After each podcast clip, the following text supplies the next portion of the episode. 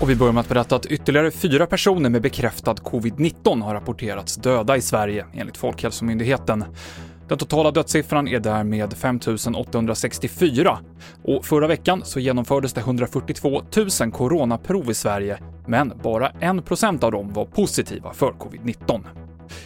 En coronaundersökning som gjordes vid Umeå universitet vid terminstarten visade också på låga siffror av smitta.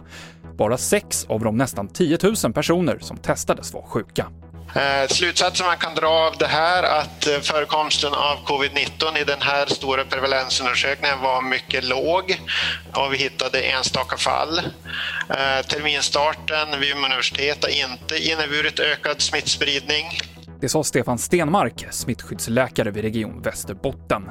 Och till sist kan vi berätta att Frölundas hockeylag byter logotyp. Man har kallat sig Frölunda Indians och haft en indian med rödvit-grön fjäderskrud på klubbmärket, något som klubben fått allt mer kritik för på senare år.